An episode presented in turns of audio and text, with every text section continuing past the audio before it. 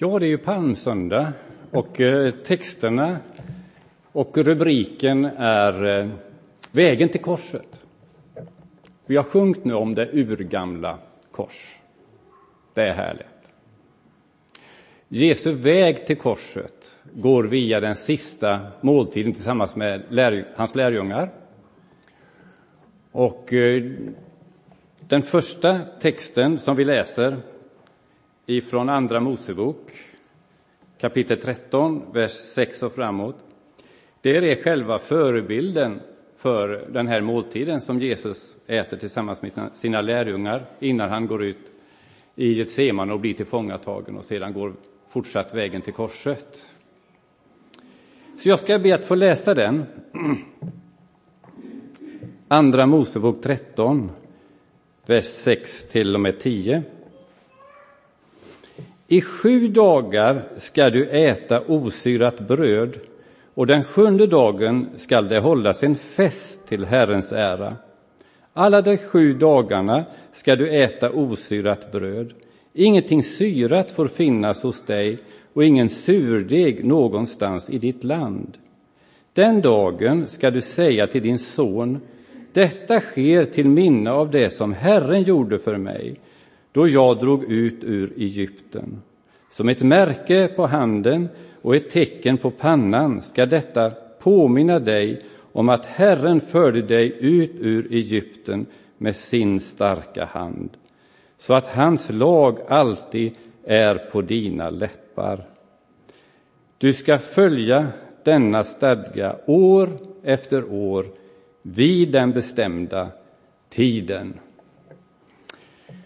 Och det är alltså detta som Jesus firar tillsammans med sina lärjungar. Det står att det är den första dagen i det osyrade brödets högtid. När de eh, sitter där och eh, äter den här måltiden helt enligt traditionen med alla de symbolerna som finns, alla de sångerna, de texterna som läses, brödet, vinet. Allting har sin betydelse. Vi kan ta på den bilden, Jonas. Vi tänker oss alltså att Jesus sitter där med sina lärjungar. Och så kommer de till det tillfället i måltiden eh, när de ska dela brödet. Och då säger Jesus så här, detta är min kropp. Ser ni hur hans kropp ser ut där, där det här brödet matsa? Ser ni såren, ser ni märkena? Det finns också en symbol i det och en profetia som pekar fram till Jesus på korset. Plågad, slagen, sårad.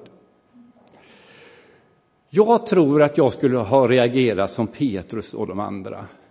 Detta får inte hända dig, Jesus. Din kropp ska inte bli sårad så där. Du ska inte bli slagen. Det är fel. Jag kommer att kämpa om de kommer att ta dig. Och det gjorde ju Petrus också. Så jag känner väldigt mycket för det. Sen ger den här bilden mig någonting annat. Idag kallar vi församlingen för Kristi kropp. Och jag har ställt mig frågan många gånger. Varför finns det sår i församlingen? Varför finns det öppna sår? Varför finns det halvläkta sår?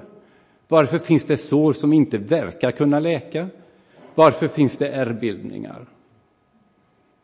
Men då tänker jag så här, men det är ju Kristi kropp och det är ju sår. Och det blir någon form av tröst ändå för mig. Vi är ju där med alla våra sår, vår mänsklighet.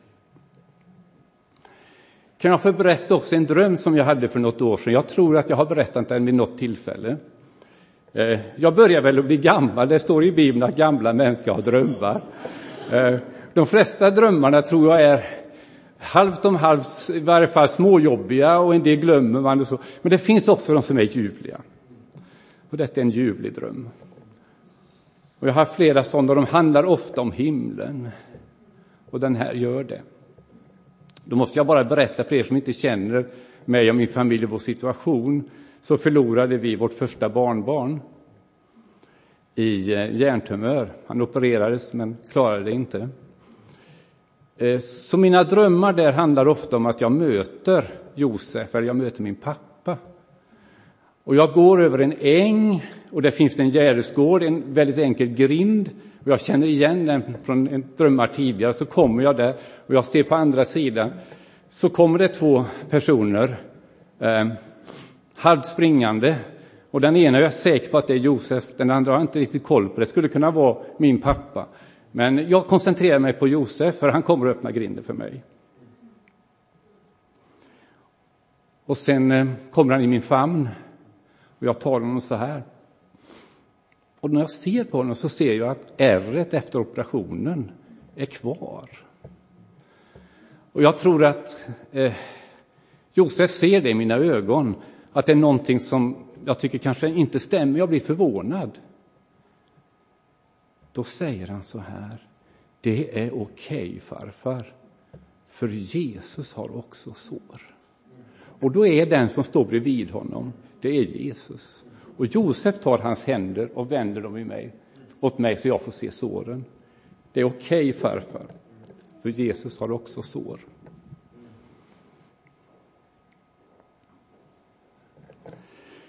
Nu är det ju så att vi har ju facit i hand, så vi vet vad som händer också på påskdagsmorgonen.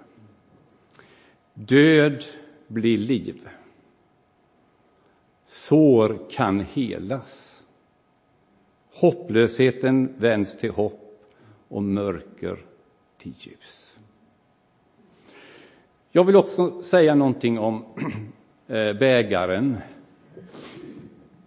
Längre fram står det att Jesus tar eh, bägaren och jag tror att han vill nu visa att det är inte så hopplöst som det verkar nu med dessa såren och alltihop. Vi kommer att gå igenom väldigt jobbiga saker, men det vänder. Därför så tar han den bägare som kallas för välsignelsens bägare. Då är det faktiskt så i den här måltiden att det är fyra olika tillfällen som man lyfter bägaren. Eh, Jesus väljer när det är välsignelsens bägare, den tredje då. Då väljer han att säga detta är det nya förbundet i mitt blod. Det finns en välsignelse. Det finns en tid bortom den sårade kroppen. Det vänder. Paulus betonar ju just att det är välsignelsens bägare när han berättar om det här.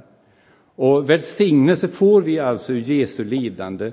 Ur hans förnedring så får vi välsignelse. Det som ser ut att vara en förlust, det blir en seger. Jesus lyfter välsignelsens bägare för att inge hopp. Slutet blir gott. Definitionen av eh, välsignelse som jag tycker mest om, det är den här. Eh, det är en kraft som får det lilla att växa och bli något mycket större. Och det där är också ett tema i Jesu undervisning. Han lyfter fram det lilla barnet. Han talar om tro lite som ett senapskorn som kan växa upp och bli ett stort träd. Han talar om surdegen som genomsyrar hela degen. Det är det här lilla som blir något stort. Som du känner att din tro är svag, ta välsignelsens bägare. Det kommer att växa.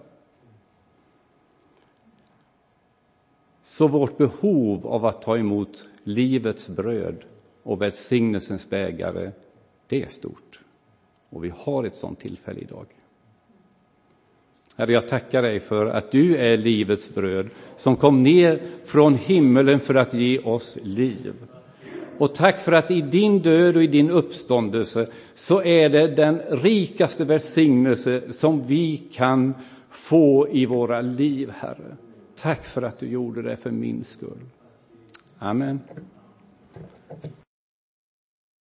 Ja, det andra textstället som eh, jag vill lyfta fram här, det är från Markius, eller förlåt mig, Markus 11 och från med den första versen.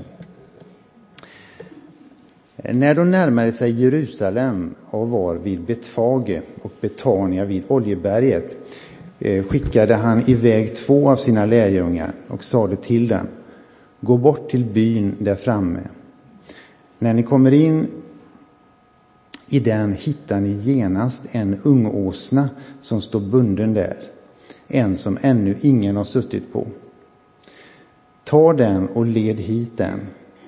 Om någon frågar er vad ni gör, så svara, Herren behöver den.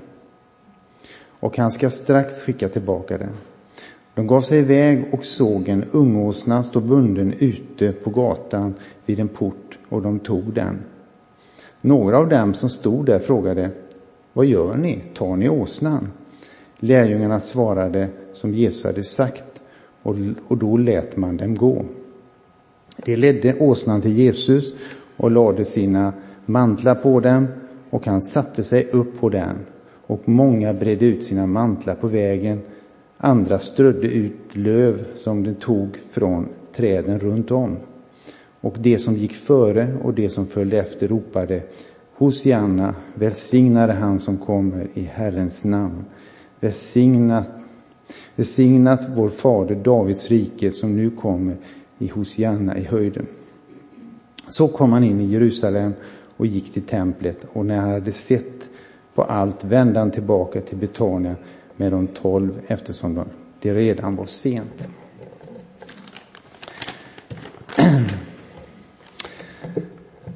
Den 10 januari 2005 hölls det en ceremoni i Stockholms stadshus till förmån för tsunaminoffren.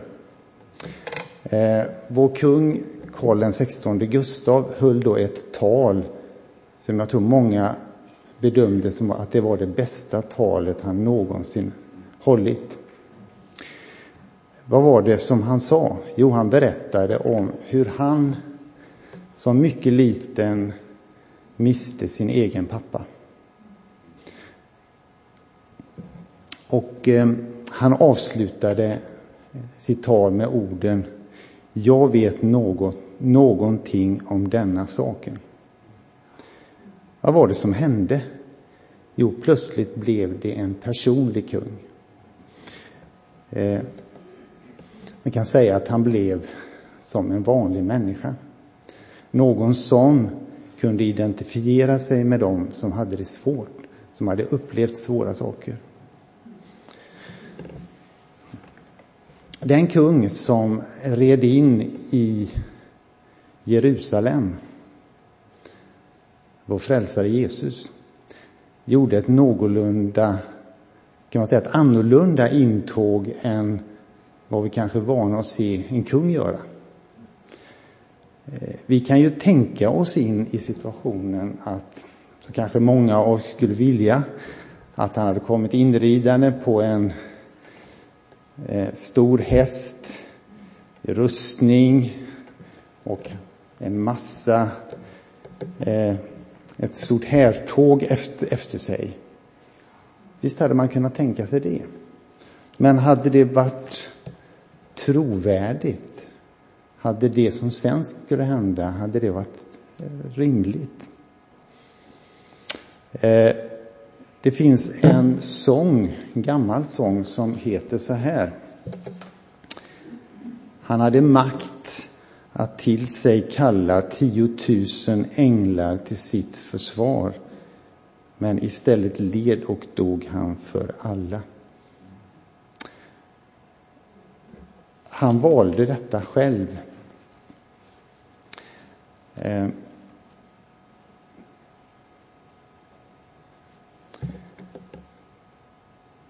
istället väljer han bort maktens attribut. Han väljer att göra ett intåg som, där han betonar mer att han är kärlekens kung. Att han är istället en betjänande kung. En kung som blev en av oss. En av, en av folket, en fredskonung.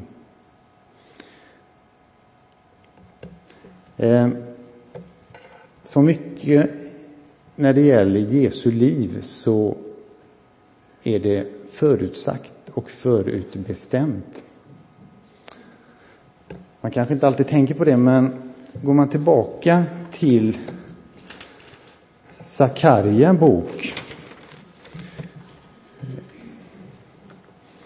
och läser från det nionde, det nionde kapitlet och vers 9 till 10 så står det så här. Ropa ut din glädje, dotter Sion. Jubla, dotter Jerusalem. Se, din konung kommer till dig.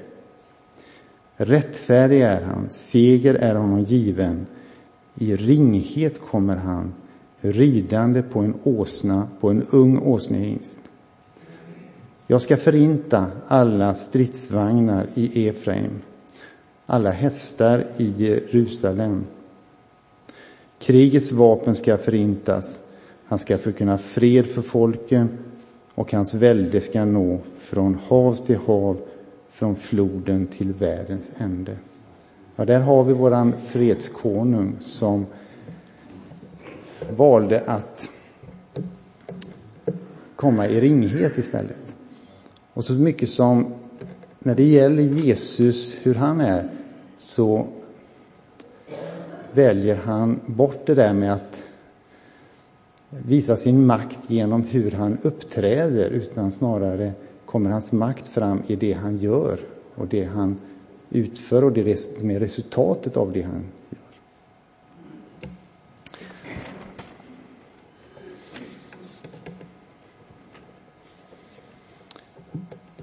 Eh, I den här texten så finns det också ett eh, lärjungauppdrag.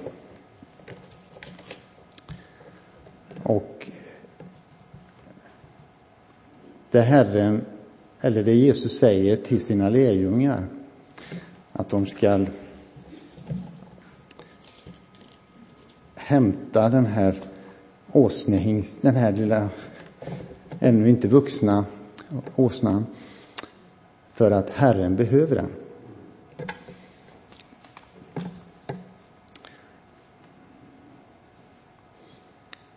Det ger också oss en tanke. Hur ställer vi oss idag till Jesu ord när han säger Herren behöver den, när Herren behöver oss? Vill vi betjäna den kung som själv har betjänat oss genom sin död och uppståndelse för vår skull? Ja, texten här den ger oss svar att Jesus är en personlig kung. En betjänande kung. En fredskonung. Han är också förutsagd genom, genom profeten Sakarja. Han ger oss också ett lärjungeuppdrag. Herren behöver den. Ja, vad gör vi för Gud? Och vad betyder orden Herren behöver den för oss idag?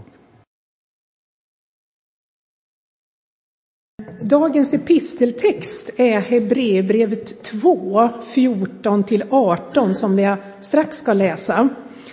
Men jag tar mig friheten att utöka den texten lite grann. Eh, för när jag i veckan knådade den här predikodegen så hamnade jag mycket i det som sagts innan i Hebreerbrevet. Och det innebär inte att det kommer att bli jättelångt. Eh, därför så börjar jag med att läsa den mäktiga inledningen till Hebreerbrevet. Det är något av det mest outstanding du kan läsa. Eh, det står så här, många gånger och på många sätt talade Gud i forna tider till våra fäder genom profeterna.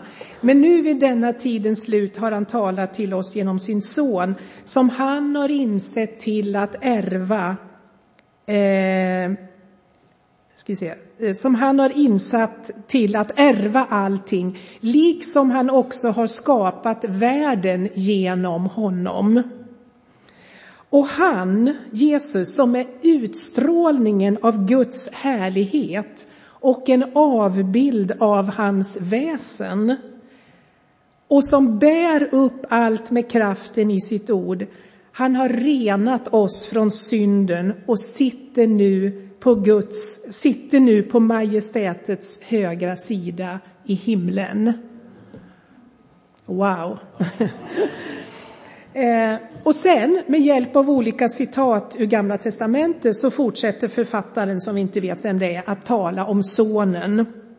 Han som är långt större än änglarna, men som för en liten tid var ringare än dem och som nu är krönt med härlighet därför att han gav sig själv i döden för vår skull. Han som är den sortens kung. Och så i 2 och 13, alldeles innan dagens text, så kommer en fri återgivning av Jesaja 8, 18 och det står det så här. Se, här är jag och barnen som Gud har gett mig. De orden uttalades från början av Jesaja och då syftar det på hans barn. Men i Hebreerbrevet så är det Jesus som säger det här. Och barnen, vilka är de? Gissa. Eh, kan du se den bilden framför dig? Hur Jesus står där tillsammans med oss alla inför Fadern och hela änglaskaran och hans ansikte bara lyser av glädje och stolthet när han säger Se, här är jag och barnen som Gud har gett mig. Här är jag med de barn som du, far, gav mig därför att jag gjorde mig till ett med dem. Därför att jag identifierade mig med dem och blev en människa ända in i döden. Och här kan vi också påminna oss orden i Hebreerbrevet 12, vers 2. Det står att för att vinna den glädje som väntade Jesus uthärdade han korset utan att bry sig om skammen.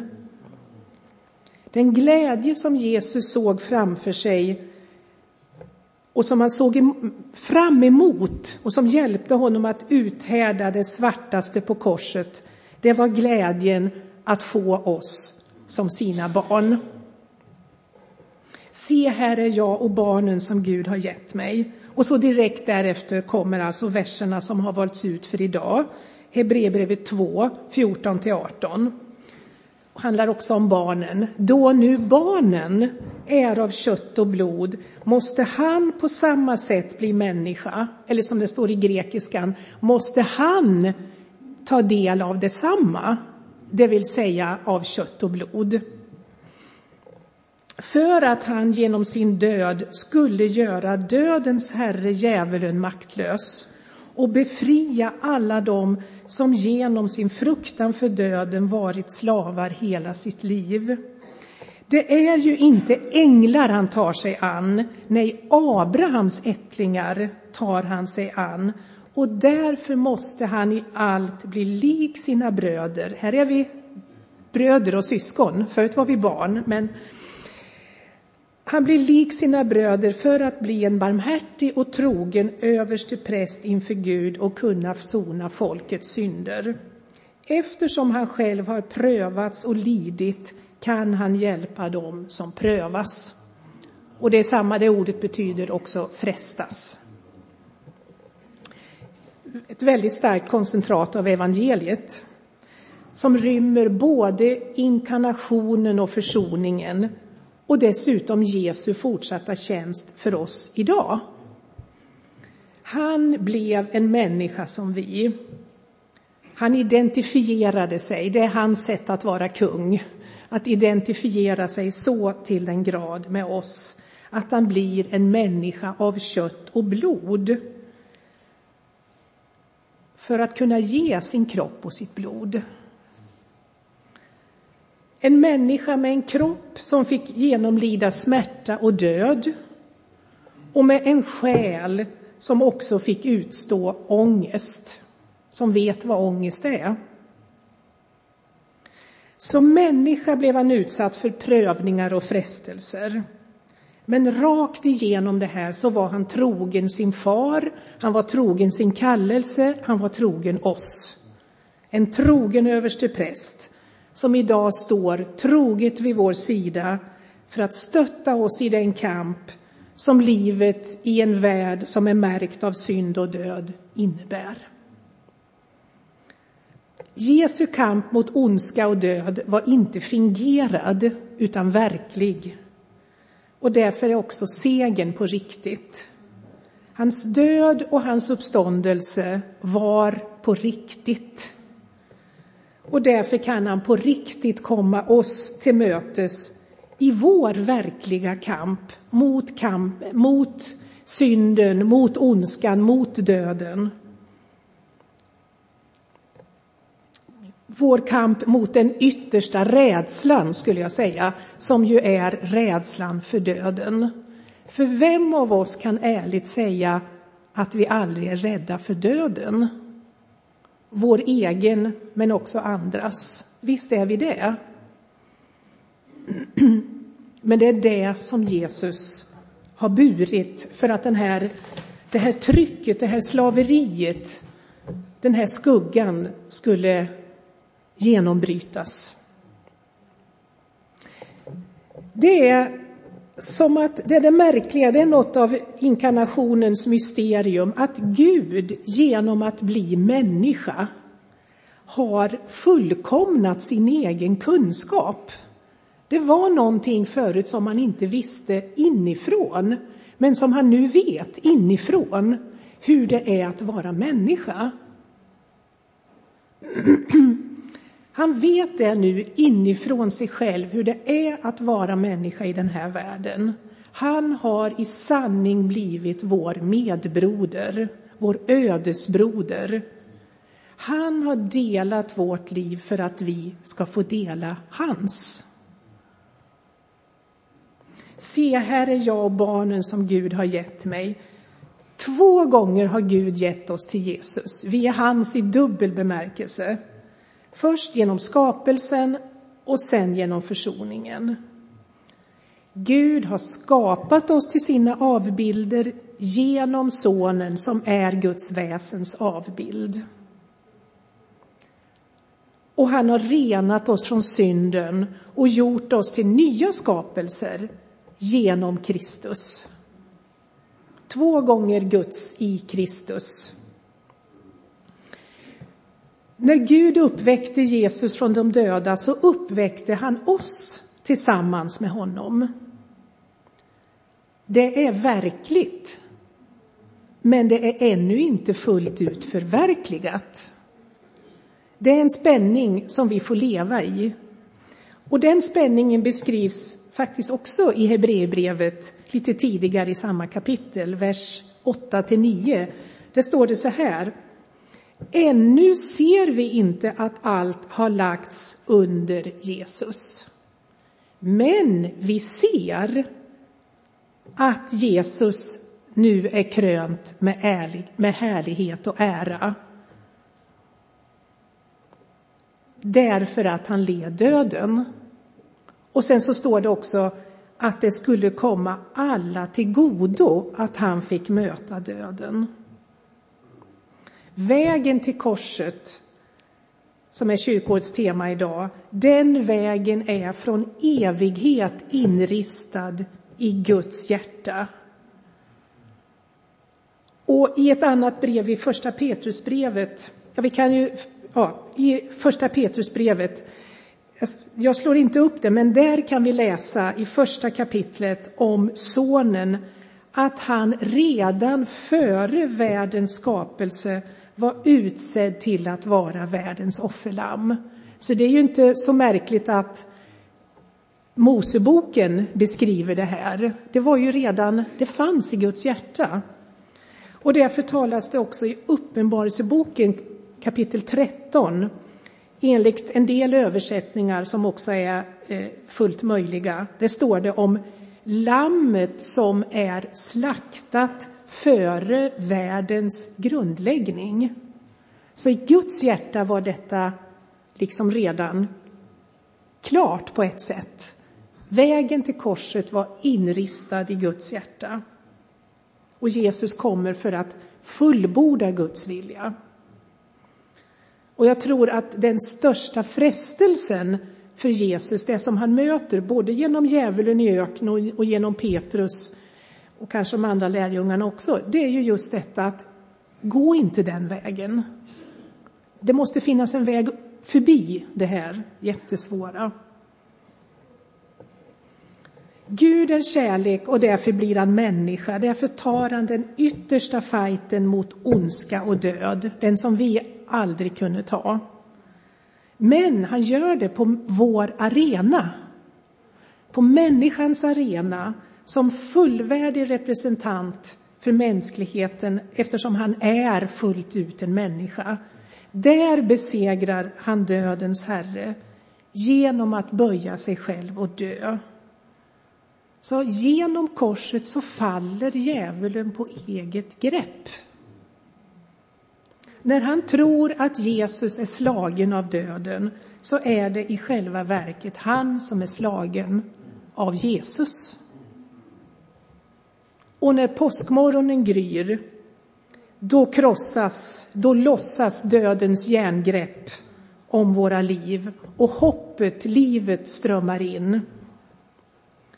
Så därför, mitt i den här världen som ännu präglas av ondska och död, får vi leva i uppståndelsens ljus från Kristus. Han har gått genom döden och kommit ut på andra sidan och han har lovat att dra oss med sig in i uppståndelsen. Och medan vi väntar så säger han, så står han troget vid vår sida under livets kamp och prövningar och hjälper oss att inte tappa kursen, som det också står om i Hebreerbrevet. Så hur skulle han kunna lämna oss när han redan har burit det absolut tyngsta och övervunnit det? Han som blev kött och blod för att ge oss sin kropp och sitt blod. Det är det vi ska få ta del av nu i nattvarden också. Tack Jesus för inkarnationens mysterium och försoningens mysterium, detta helt ofattbara som vi ändå får ta emot i tro. Att vi får böja oss och ta emot detta som övergår allt förnuft. Tack att du kommer med din ande över oss idag och tack att du är här, att du har talat så underbart redan och att du möter oss nu. Amen.